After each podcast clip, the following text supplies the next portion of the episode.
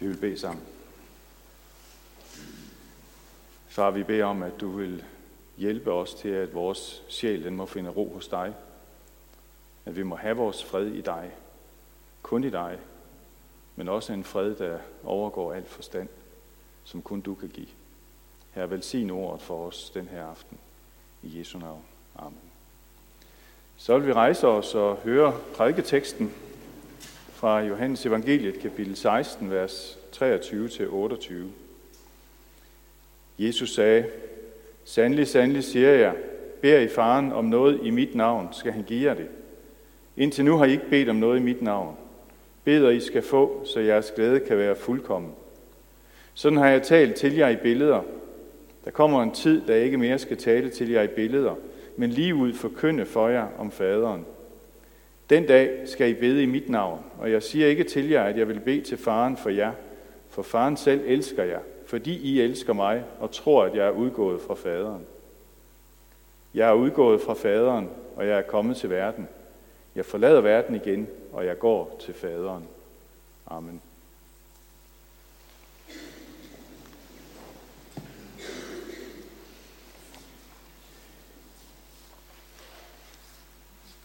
Bøn i Jesu navn. Det er ikke en trylleformular. Det er ikke nok, at vi siger, nu beder jeg i Jesu navn, så får jeg alt det, som jeg har lyst til, brug for. Det er ikke en ønskeseddel, som jeg bare kan aflevere til Gud, og så sige, Gud, nu øh, får du den her ønskeseddel, og så beder jeg i Jesu navn, og så sker det.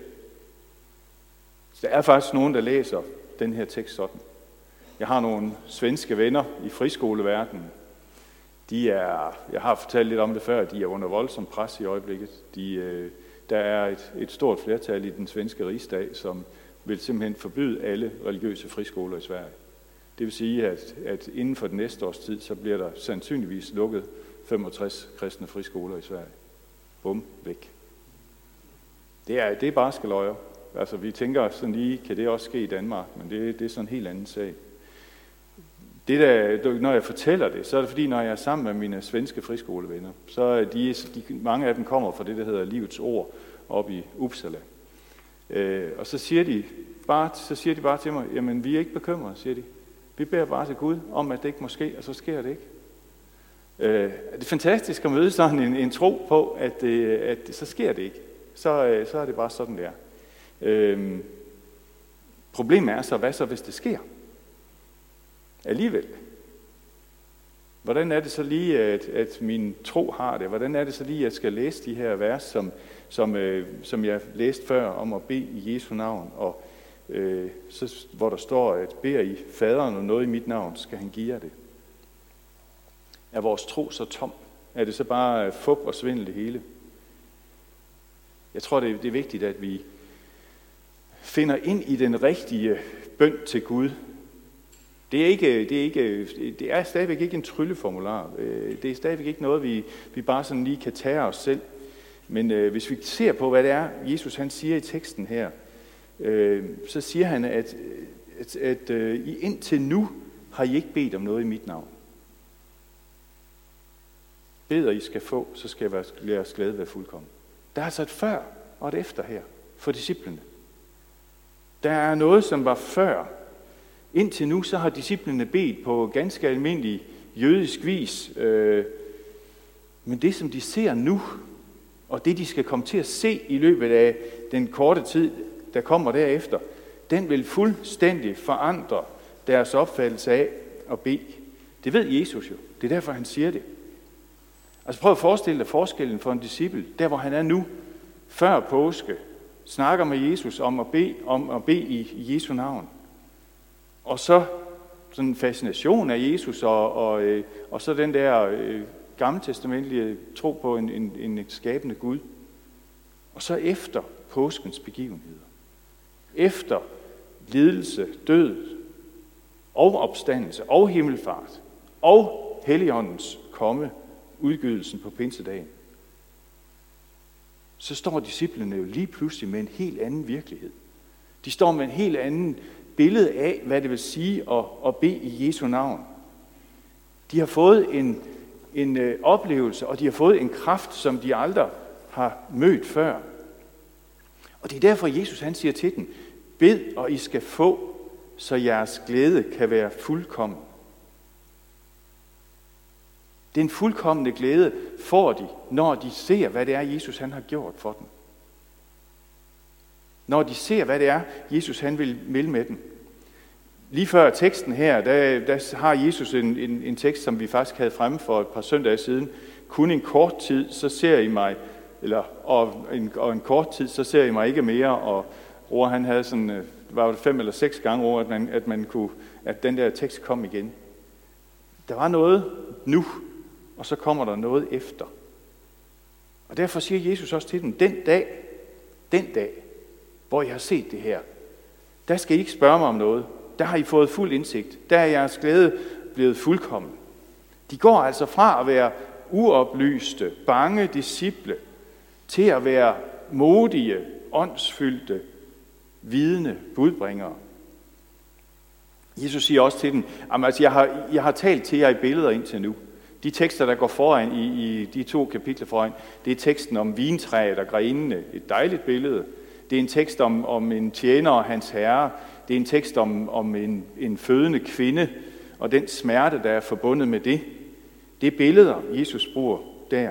Men nu, siger han, nu kommer der en tid, hvor I skal se og høre, og derefter så vil I forstå, hvad det er, der er sket. Den dag, hvor de har set det, der skal de bede i Jesu navn. Med alt, hvad det indebærer. Og så siger Jesus til den, og så behøver jeg ikke engang gå i forbøn for jer. Jeg behøver ikke engang at gå til Gud og bede for jer, fordi når den dag kommer, så har I simpelthen direkte adgang til Gud. Og det er måske det allervigtigste, vi skal høre i aften. Det er, at bøn i Jesu navn betyder, at jeg har direkte adgang til Gud. På grund af Jesu død, på grund af hans opstandelse, på grund af Helligåndens komme, så kan vores glæde være fuldkommen. Så har vi fået direkte adgang til Gud. Jeg skal ikke bede i mit eget navn eller i nogens anden, nogen andens navn. Kun gennem Jesus har jeg direkte adgang til Gud i himlen. Og så kommer der faktisk nogle vers efter dem, som er i teksten her, som jeg lige øh, er nødt til at læse for jer, fordi øh, der sker jo noget efter det her. Øh, og det er måske det, vi skal lære af at tage med herfra og ud i vores hverdag. Hans disciple sagde, nu taler du lige ud, og du bruger ikke billeder. Nu ved vi, at du ved alt og ikke har brug for, at nogen spørger dig. Derfor tror vi, du er udgået fra Gud. Fantastisk trosbekendelse, disciplene kom med her.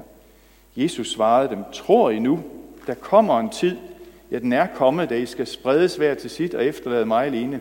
Men jeg er ikke alene, for faderen er med mig. Sådan har jeg talt til jer, for at I skal have fred i mig. I verden har I trængsler, men vær frimodige.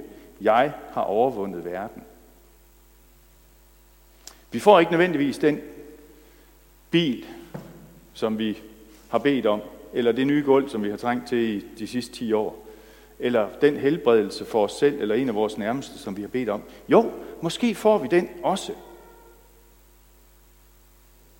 Men når vi beder i Jesu navn, så får vi noget, som er meget større. Så får vi en fuldkommen glæde. Så får vi en fred i vores hjerter, fordi vi kender Jesus.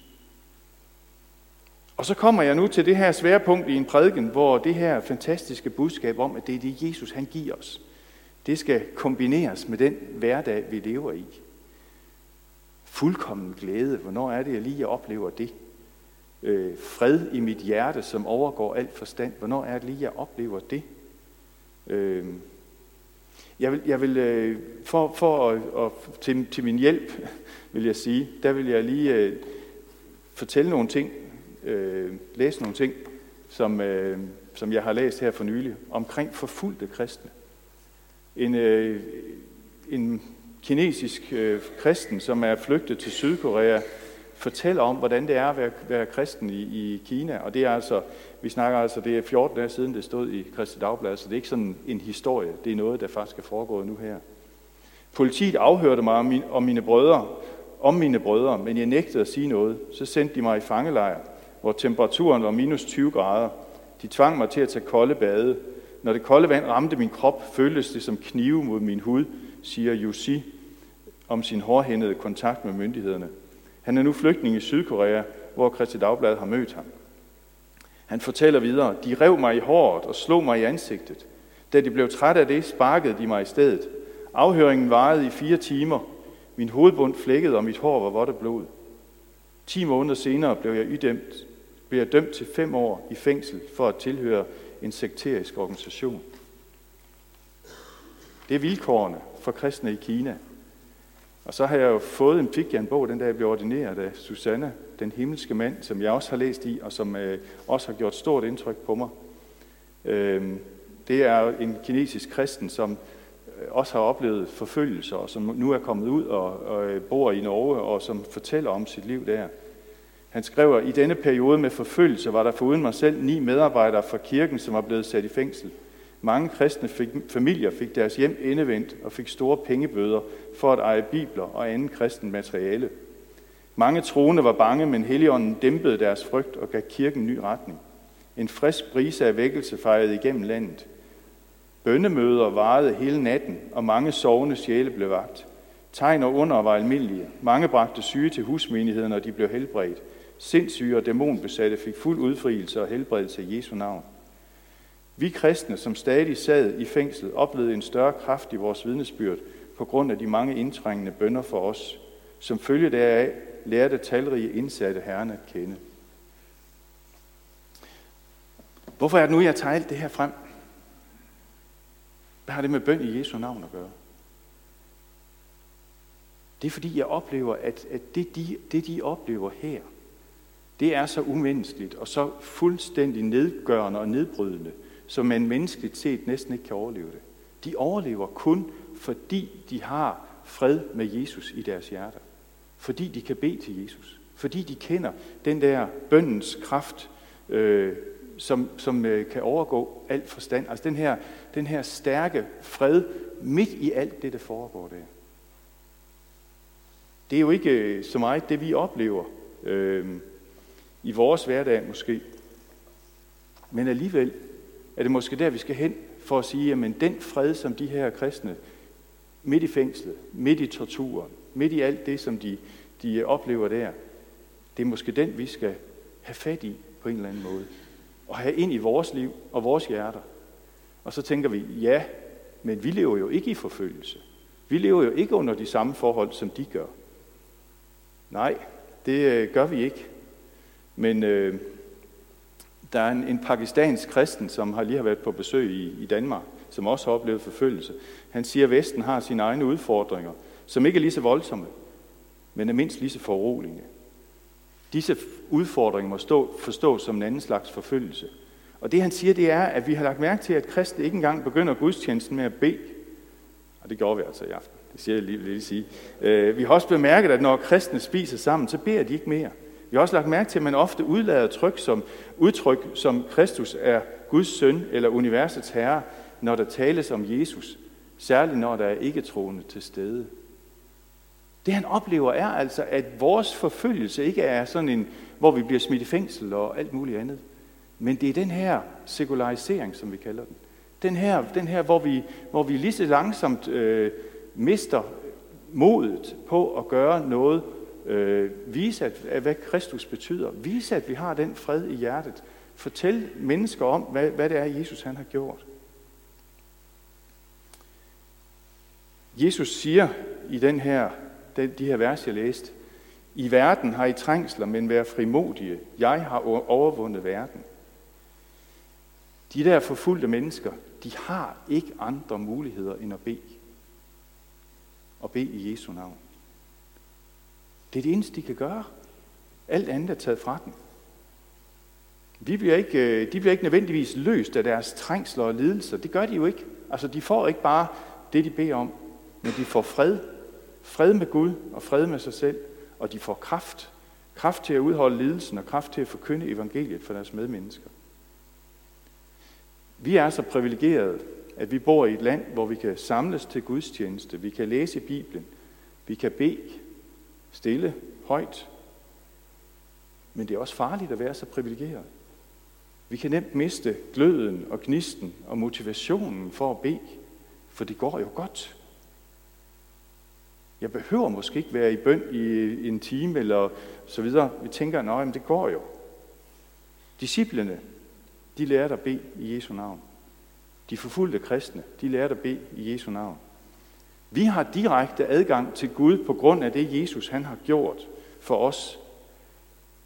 Det vi skal, det er, at vi skal øve os i at bede i Jesu navn. Vi har lige så meget brug for det, som de forfulgte kristne, som disciplene havde dengang. Vi skal bede for vores land, for kirken, for hinanden, for os selv, og vi skal gøre det i Jesu navn.